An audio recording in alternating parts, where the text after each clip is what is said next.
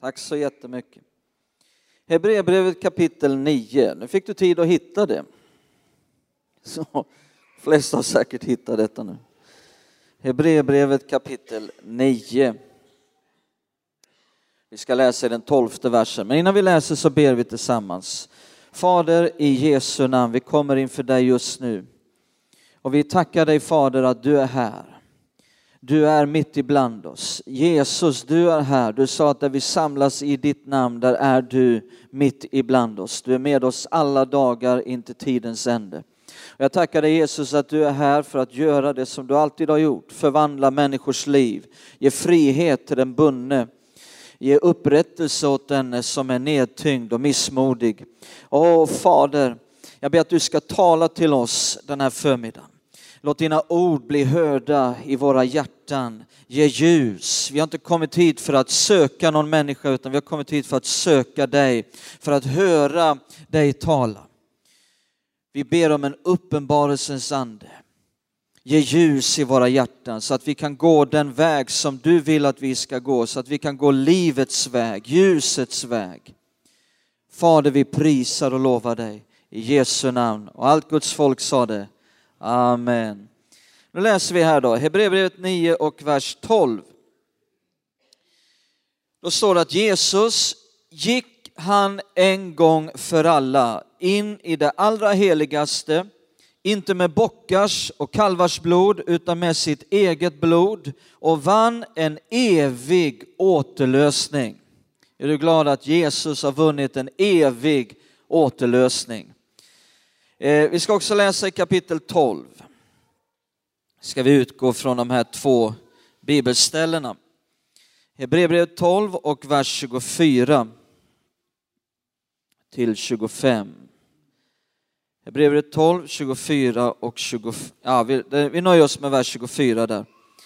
Då står det, ni har kommit till det nya förbundets medlare, Jesus, och till det renande blodet som talar. Kan alla säga talar? Det renande blodet som talar starkare än Abels blod.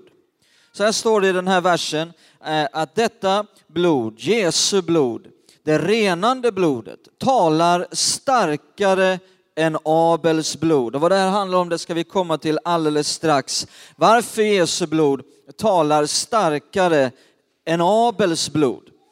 Eh, men det här bibelstället, eh, det första vi ser här, det är att, att eh, blod faktiskt har en röst. Blod talar. Eh, blod vittnar. Blod kan till och med ropa. Ehm, jag läste en rapport för en del år sedan, en artikel, och den handlade om landminor. Och ni vet säkert att landminor är ett stort problem i världen. På många håll så är det ett gigantiskt problem, alla de här landminorna. Och den här artikeln handlade om de här landminorna Eh, och eh, att eh, åtgärder behöver vidtas och den här artikeln handlade om att man tyckte att myndigheterna inte riktigt gjorde det de behövde göra. Och, och den här artikeln sa att offrens blod talar. Offrens blod talar. Så blod talar. Ehm, bara det när man ska eh, ta ett blodprov. Har ni tänkt på vad mycket ett blodprov kan säga? Blodprov talar. Eh, jag vet inte om jag får säga det här nu, men jag, jag tänkte jag skulle ha frågat Vicky innan. Va? Men Vicky, hon gillar inte blodprov. Hon sitter där uppe på läktaren hon gillar inte blodprov. Jag har varit med Vicky många gånger på mödravårdscentralen och, Eh, eh, och så ska de ta blodprov på den som är blivande mamma. Har ni varit med om det, ni mödrar? Och, och, och jag brukar tycka det är ganska roligt när de ska ta blodprov på Vicky. Vet. Så här. Och hon är livrädd för det här blodprovet när de ska sticka henne i fingret. Eh, men vad mycket blodprov säger till en doktor. Du vet, man kan till och med avgöra, ibland så hör vi talas om att när man ska fastställa vem är pappan till ett barn, eh, så kan blodprovet tala om det. Det säger någonting. Det säger en massa saker. Så blod talar, eh, precis som det står. Även i det naturliga eh, så talar blod. Vi har ett uttryck som är att, har ni hört talas om det här uttrycket, det ligger i blodet. Det ligger i blodet. Du kanske undrar, varför är jag som jag är? Eh, varför eh, beter jag mig som jag beter mig? Det ligger i blodet. Det mycket ligger i blodet. Eh, din släkts blod, kanske är det så att det talar en del negativa saker. Men då har jag goda nyheter för dig. Eh, det finns ett blod som talar bättre. Det finns ett kungligt blod som du kan få del utav. Det finns ett gudomligt blod som du kan få del utav. Eh, ett blod som talar så mycket bättre. Eh, det här blodet säger att genom det blodet så kan du få komma i förbund med Gud. Wow! Eh, så där din släkts blod kanske talar död, där talar det här blodet liv. Där din släkts blod kanske talar fattigdom, där talar det här blodet välstånd och överflöd. Där, det här, där din släkts blod talar misslyckande, där talar det här blodet att du kan vara mer än en segrare. Där din släkts blod talar svaghet, oförmåga. Där talar det här blodet att du kan förmå allting. Där din släkts blod kanske talar bundenhet, där talar det här blodet frihet. Där din släkts blod kanske talar att det går bara utför. Där talar det här blodet att du kan få en bättre framtid. Du kan få ett bättre liv. Du kan få en bättre situation redan idag. Och det är Jesu blod vi talar om. Vi ska ta den första punkten här. Vi talar om att Jesu blod talar. Vad är det då Jesu blod säger? Och jag ska ge dig några korta punkter här. Den första är att Jesu blod talar om att rättvisa har skipats. Ska vi gå här till första Mosebok kapitel 4. Första Mosebok kapitel 4. Vi läste att Jesu blod talar bättre än Abels blod. Kan jag få på lite mer i monitorn här? Öka på i monitorn här, jag har knappt någonting där. Här kommer det, kan lägga på lite mer, lite mer. Första Mosebok 4 och vers 8 till 10. Vi läste att Jesu blod talar bättre än Abels blod. Varför talar då Jesu blod bättre än Abels blod? Vem är Abel? Ja, vi behöver gå och läsa här om Abel då i första Mosebok kapitel 4 och så står det ifrån vers 8 till 10. Kain talade med sin bror Abel och medan de var ute på marken överföll Kain sin bror och dödade honom. Och Herren sa till Kain, var är din bror Abel? Han svarade, jag vet inte, ska jag hålla reda på min bror? Då sa han, vad har du gjort? Hör, din brors blod ropar till mig från marken. Här har vi ett blod som ropar. Det inte bara talar, det ropar. Abels blod ropar. Och det var ju så här att efter syndafallet, när människan valde att vända Gud ryggen, när människan valde att gå sin egen väg istället för Guds väg, så är det här den första synden som vi läser om i Bibeln när Kain mördar sin bror Abel. Abels blod talar och ropar om så mycket inför Gud.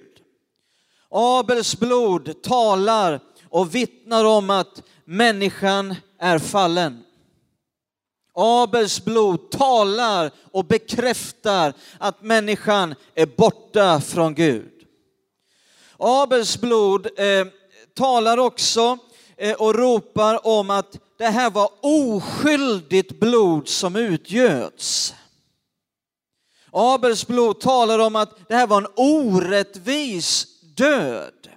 Eh, Abels blod ropar ut om att rättvisa måste skipas. Abels blod ropar ut efter hämnd.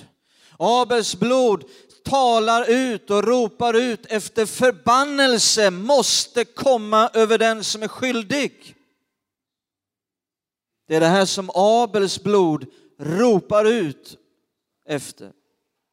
Men vi läste att Jesu blod talar någonting som är bättre. Vad talar då Jesu blod om? Om Abels blod talar om detta, vad är det då Jesu blod talar om som är bättre än det som Abels blod talar om?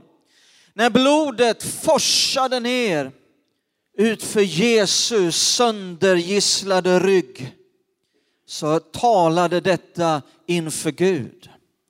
När Jesu blod strömmade ner för korsträdets stam så ropade ropar också detta blod inför Gud och säger att Guds sons blod har blivit utgjutet. Guds rättfärdighet krävde synden måste få sitt straff. Gud krävde att synden måste få sitt straff. Du vet, Gud kan inte se mellan fingrarna på synden. Det är inte det som är Guds nåd, att han på något vis ser mellan fingrarna på vår synd. Nej, syndens straff måste betalas. Gud kräver att syndens straff betalas. Men samtidigt som Gud kräver att synden måste få sitt straff så kommer han ner själv i sin egen son och tar ditt och mitt straff och Kains straff på sig själv. Det är Guds nåd. Det är Guds kärlek.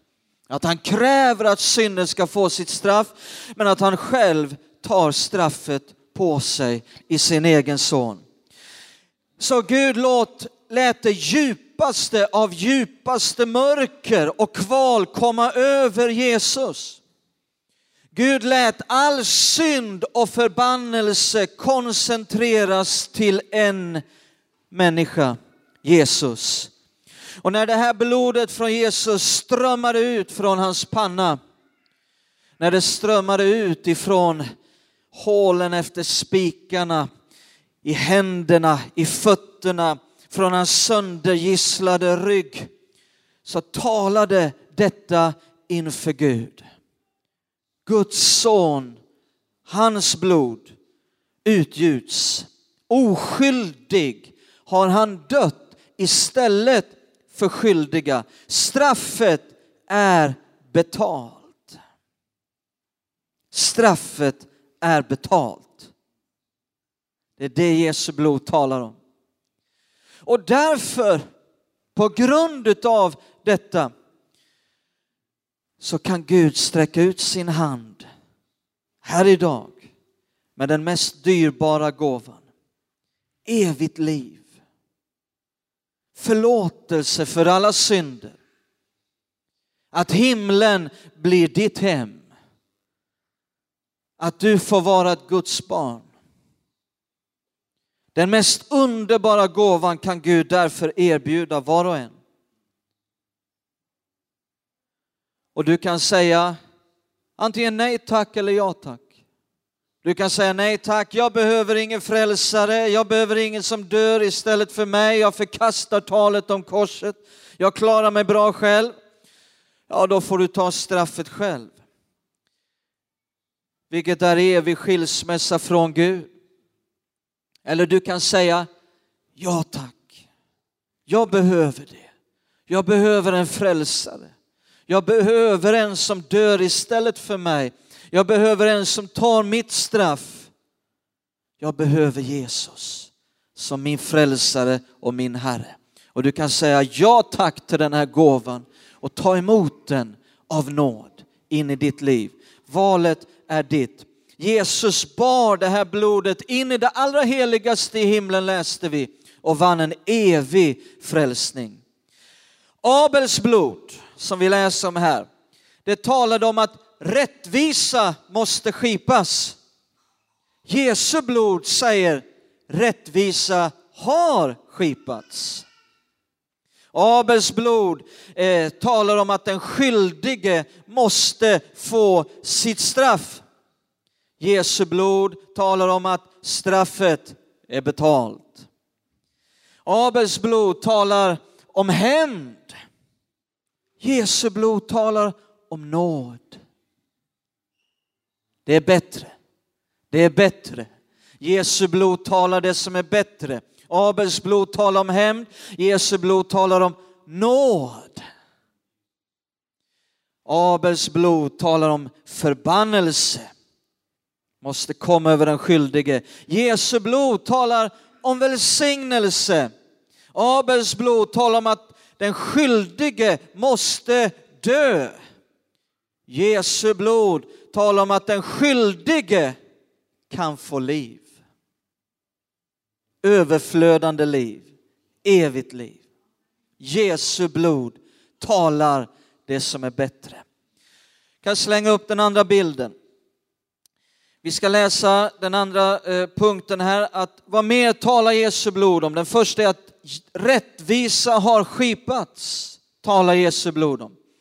Jesu blod talar också om frid och frimodighet inför Gud. Frid med Gud och frimodighet inför Gud. Titta här i Hebreerbrevet kapitel 10, vi ska läsa två verser. Hebreerbrevet kapitel 10 och vers 19. Är du glad för Jesu blod? Hebreerbrevet 10 och vers 19.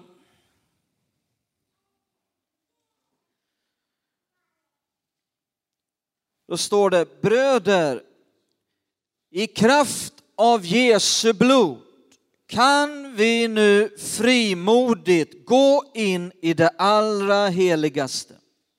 In i Guds närvaro, in i Guds härlighet, i direktgemenskap med Gud kan vi frimodigt gå in. Du behöver inte komma intassande, nervöst, orolig för att Gud ska klubba dig i huvudet för saker som du har gjort fel. Du behöver inte tassa som på tå och tro att Gud tittar snett på dig. Nej, du kan komma frimodigt inför Gud. Utan någon känsla av skuld, utan någon känsla av skam. För skulden är utraderad. Och Gud ser på dig som om du har gjort allt rätt och sagt allt rätt.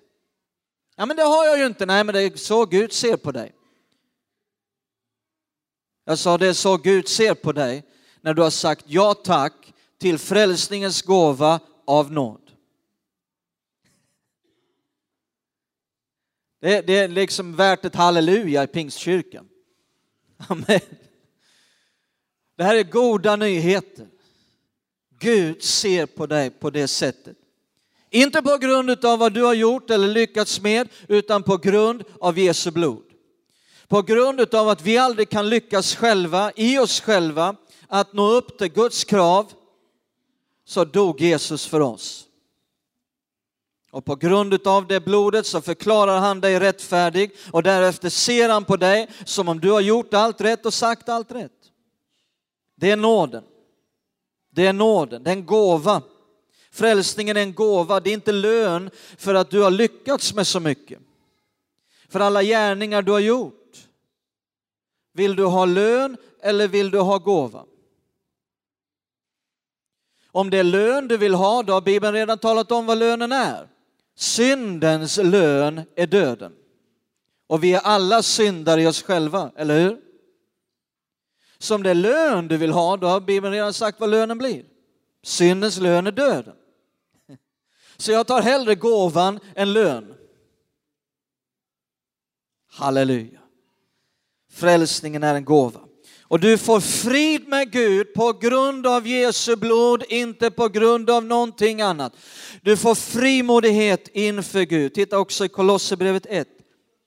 Kolosserbrevet 1 och vers 20. Kolosserbrevet 1 och 20.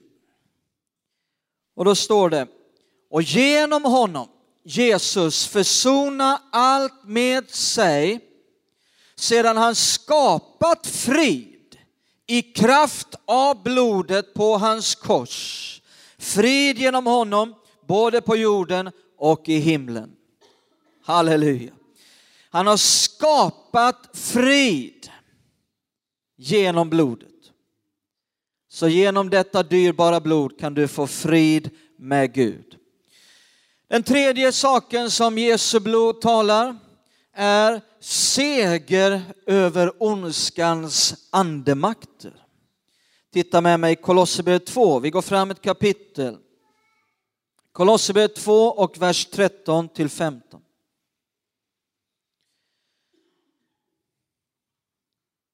Kolosserbrevet 2, 13 och 15.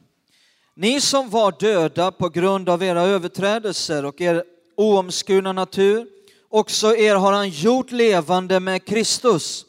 Han har förlåtit oss alla överträdelser och strukit ut det skuldebrev som med sina krav vittnade mot oss. Det har han tagit bort genom att spika fast det på korset. Halleluja! Det här hände för 2000 år sedan. Det hände långt innan du föddes. Det hände långt innan du gjorde alla dina tabbar. Det hände långt innan du gjorde all din synd och det inkluderar all synd du har gjort, all synd du någonsin kommer att göra. Det skuldebrevet är redan sönderrivet. Det är redan klart, det är redan färdigt. Det här låter nästan som att det är för bra för att vara sant. Det är därför det är goda nyheter. Det är därför det är evangelium. Ja, men då blir jag ju glad. Ja, men det är det som är meningen. Ja, men då känner jag, åh Jesus, jag älskar dig. Vad bra. Ja, men då känner jag Jesus, vad kan jag göra tillbaka? Bra. Då blir dina gärningar motiverade av rätt sak. Inte för att du ska behaga Gud mer, inte för att du ska eh, eh, få honom att älska dig mer. Du gör inte gärningar för att du ska bli mer präktig, mer helig, mer rättfärdig. Nej, allt det där är redan klart. Gud älskar dig så mycket som han någonsin kommer att göra. Du är lika rättfärdig nu som du kommer att vara när du kommer till himlen. Du är lika helig nu som du någonsin kommer att vara. Du kan inte lägga någonting därtill, du kan inte göra någonting mer för det, det beror bara på Jesu blod.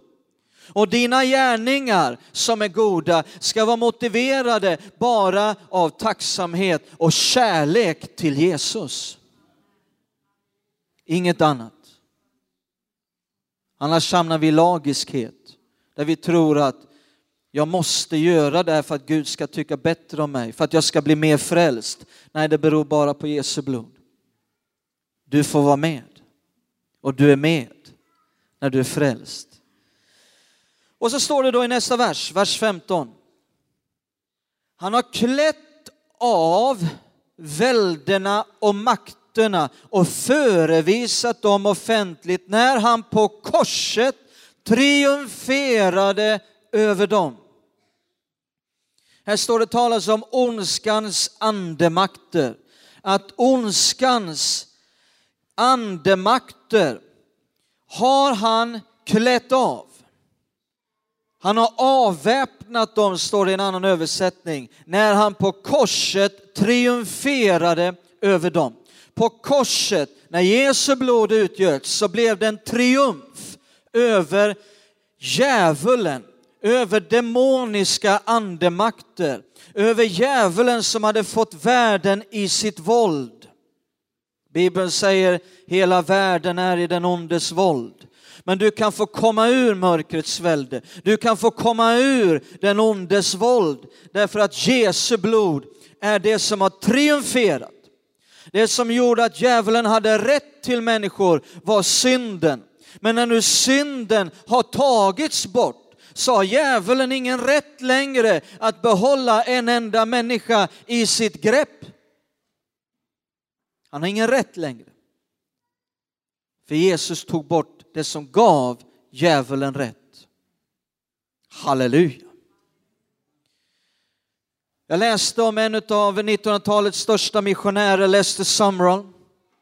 En av de största gudsmännen på 1900-talet. En stor föredöme för mig. Jag lärt mig mycket av honom. Ehm, och när han på, jag tror det var på 50-talet, när han var missionär på Filippinerna, befann sig i Manila, så hände någonting enormt.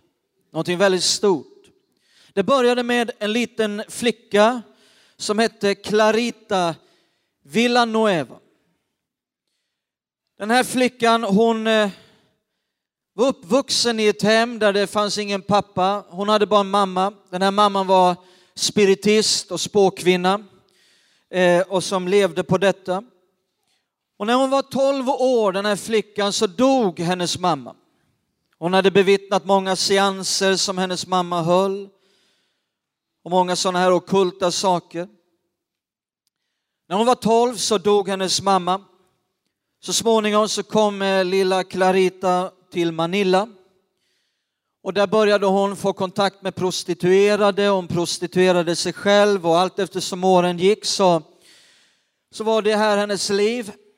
Ända fram till en dag när hon erbjöd sina tjänster för en polisman.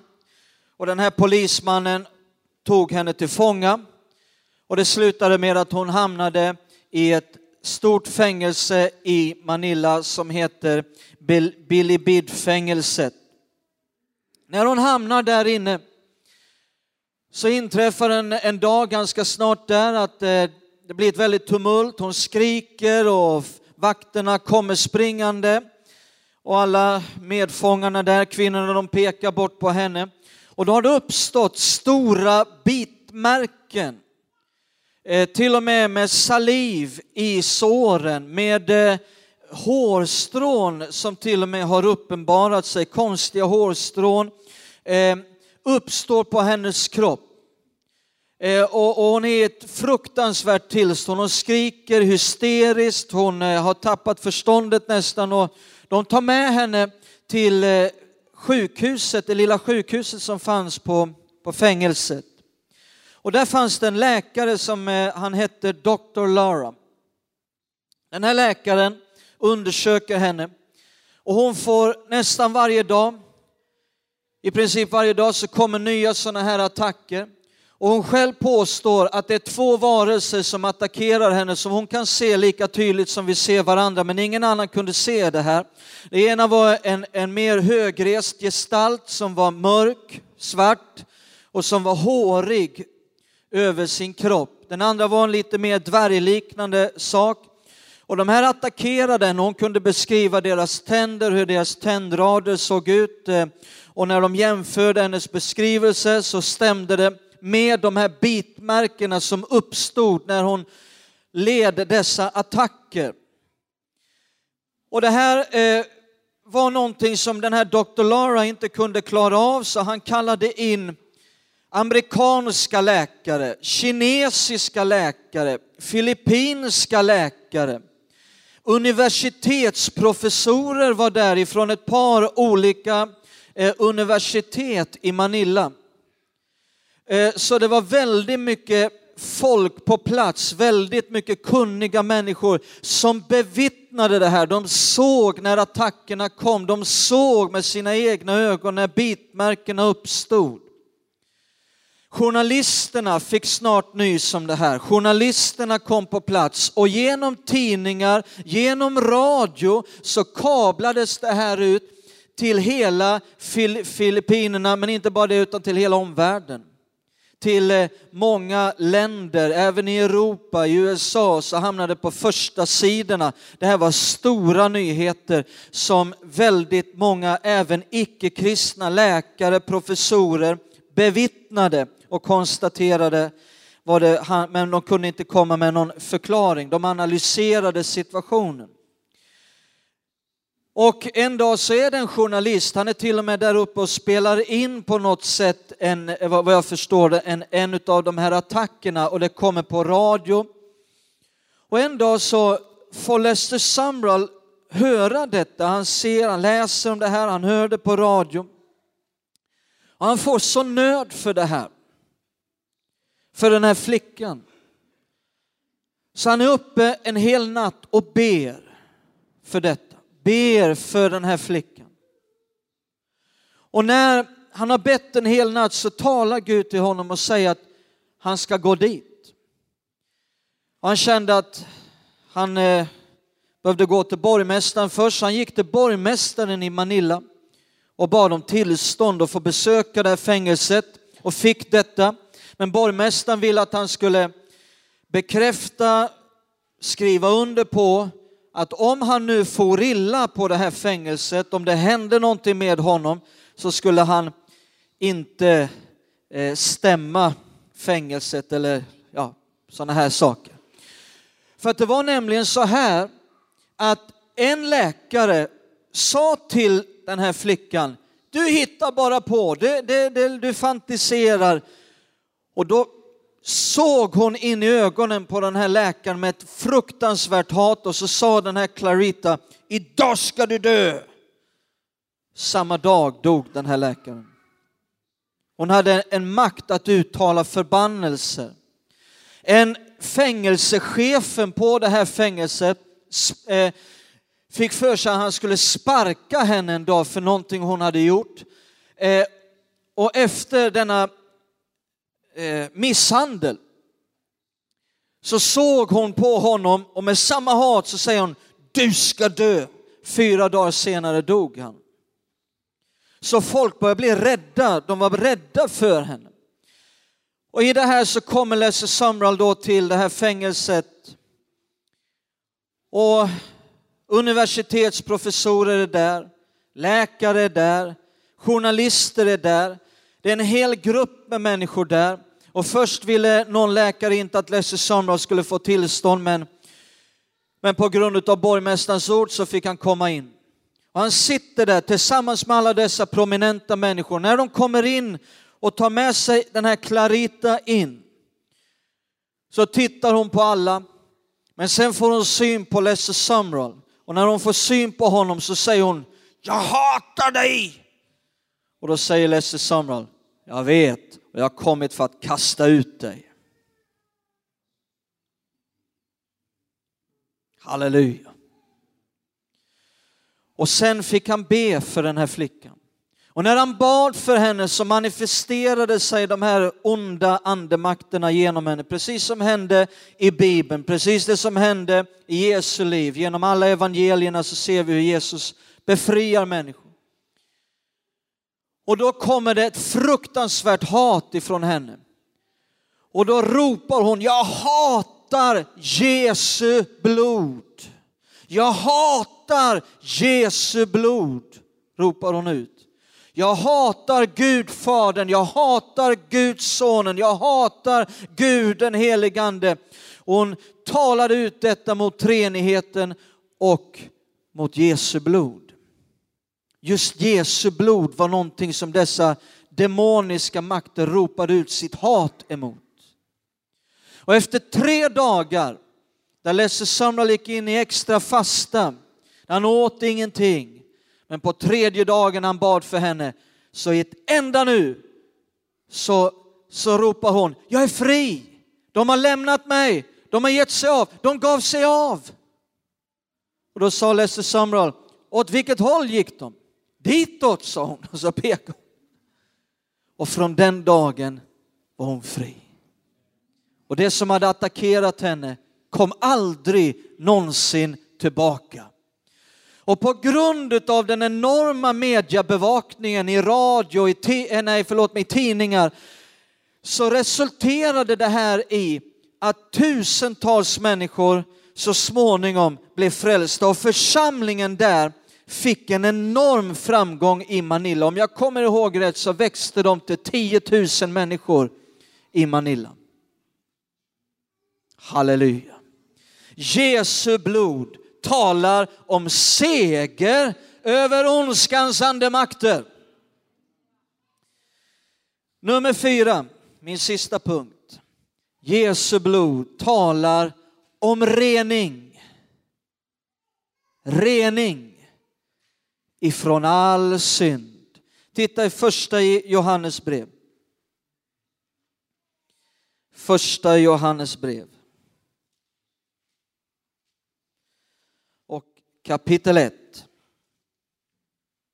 Från vers 7 till vers 9. Första Johannes brev 1, vers 7 till 9.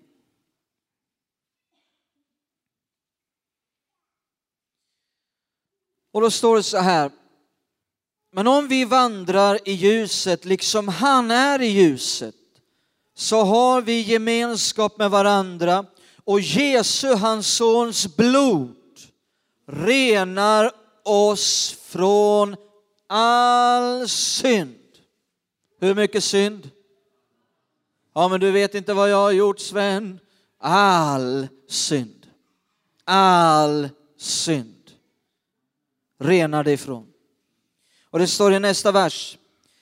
Om vi säger att vi inte har synd bedrar vi oss själva och sanningen finns inte i oss. Om vi bekänner våra synder är han trofast och rättfärdig så han förlåter oss våra synder och renar oss från all orättfärdighet. Titta också i Hebreerbrevet kapitel 9. Två bibelställen som handlar om att han, detta renar oss. Hebreerbrevet 9 från vers 11. Från vers 11 så står det Men nu har Kristus kommit som överste präst för det goda som vi äger genom det större och fullkomligare tabernakel som inte är gjort med händer, det vill säga som inte tillhör den här skapelsen, gick han en gång för alla in i det allra heligaste, inte med bockars och kalvars blod, utan med sitt eget blod och vann en evig återlösning. Om nu redan blod av bockar och tjurar och askan från en kviga stängt på det orena helgar till yttre renhet. Hur mycket mer skall då inte Kristi blod rena våra samveten från döda gärningar så att vi tjänar den levande guden? Ty Kristus har genom den evige ande framburit sig själv som ett felfritt offer åt Gud. Ära till Guds lam sjöng vi här tidigare. Han är offret, han är lammet som utgöt sitt blod. Och det står här, hur mycket mer skall då inte Kristi blod rena våra samveten? Eh, på 1700-talet så levde en av eh, väckelsehistoriens, en av kyrkohistoriens största predikanter, största gudsmänniskor, John Wesley. Har du inte läst om John Wesley så vill jag bara uppmuntra dig till att hitta en bok om honom, läs om honom. En helt fantastisk människa. Eh, och en eh, gång så var han på väg hem från ett möte. Och när han var på väg hem från det här mötet så blev han rånad. Men den här tjuven kom på att John Wesley han hade bara några enstaka slantar på sig och lite kristen litteratur. Eh, och när rånaren då sprang ifrån John Wesley så ropar John Wesley, vänta lite, vänta lite, jag har något mer jag vill ge dig. Och den här tjuven stannar förvånat upp och så säger John Wesley, om du får leva och du någonsin skulle ångra det här som du har gjort och den här livsstilen som du lever, så bara kom ihåg det här att Jesu Kristi blod renar från all synd. Flera år senare, flera år senare, när John Wesley i ett sammanhang står och hälsar på många människor, så kommer det fram en man som är frälst, som är en framgångsrik affärsman. Och vad överraskad John Wesley blev när han förstod att den mannen som stod framför honom var den som för flera år sedan hade rånat honom. Och den här mannen säger, allt detta beror på dig. Nej, sa John Wesley, detta beror på bara att Jesu Kristi blod renar från all synd. En annan stor i väckelsehistorien och kyrkohistorien som lever i vår tid, Reinhard Bonke. Hur många har hört talas om Reinhard Bonke? Han satt i en debatt en gång med en eh, prominent människa. Och i den här debatten så säger den här människan att eh, Kristi blod kan eh, omöjligt rena från synd. Det finns inte någon renande kraft i Jesu blod. Därför att hela världen är ju full av, full av synd, sa den här människan. Så det var beviset på att det finns ingen renande kraft i Jesu blod. Därför att hela världen är full av synd. Då sa Reinhard Bonke, det finns tvål överallt. Ändå är den här världen full av smutsiga människor. Bara för att det finns tvål betyder inte att man är ren. Du kan eh, till och med jobba på tvålfabriken och vara smutsig, sa Reinhard Bonke. Bara för att det finns tvål betyder inte att, att du blir ren. Du måste ta tvålen, du måste använda den och då kommer du att se vad den förmår. Så på samma sätt är det med Jesu blod. Man måste ta emot budskapet om det och ta emot gåvan som Gud vill ge genom det. Vi läste i den första versen att Jesu blod talar. Det står inte där att Jesu blod talade någon gång för länge sedan. Nej, det står att det talar. Det talar fortfarande idag. Jesu blod talar än idag med lika stark röst. Det talar inte bara inför Gud, det talar också till människan. Det talar till dig som har ett dåligt samvete. Det talar till dig som har ett förtvivlat hjärta. Det talar med en mjuk stämma. Det talar med en kännande, mild och inbjudande röst.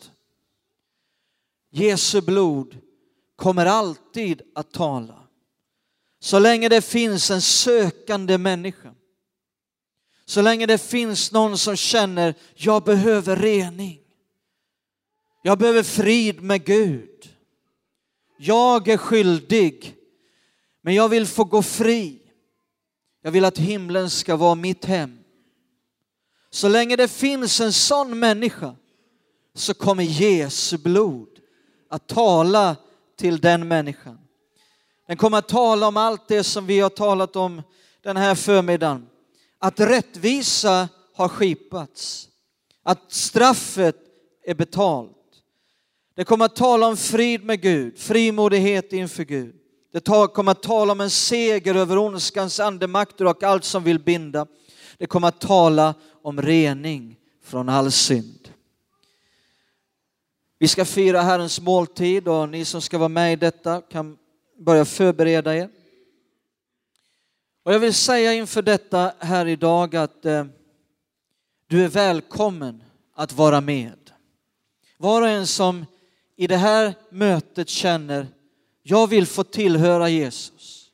Var du än kommer ifrån, vilken bakgrund du än har, om du är medlem här eller inte medlem här, det spelar ingen roll, men om du i ditt hjärta säger, jag behöver Jesus som min frälsare och min Herre. Jag behöver detta blod, att det utgöts. Jag säger ja tack till budskapet om det här blodet. Då är du välkommen att ta del av det här måltiden med oss idag. Ska vi sjunga en sång? Ska vi förbereda oss?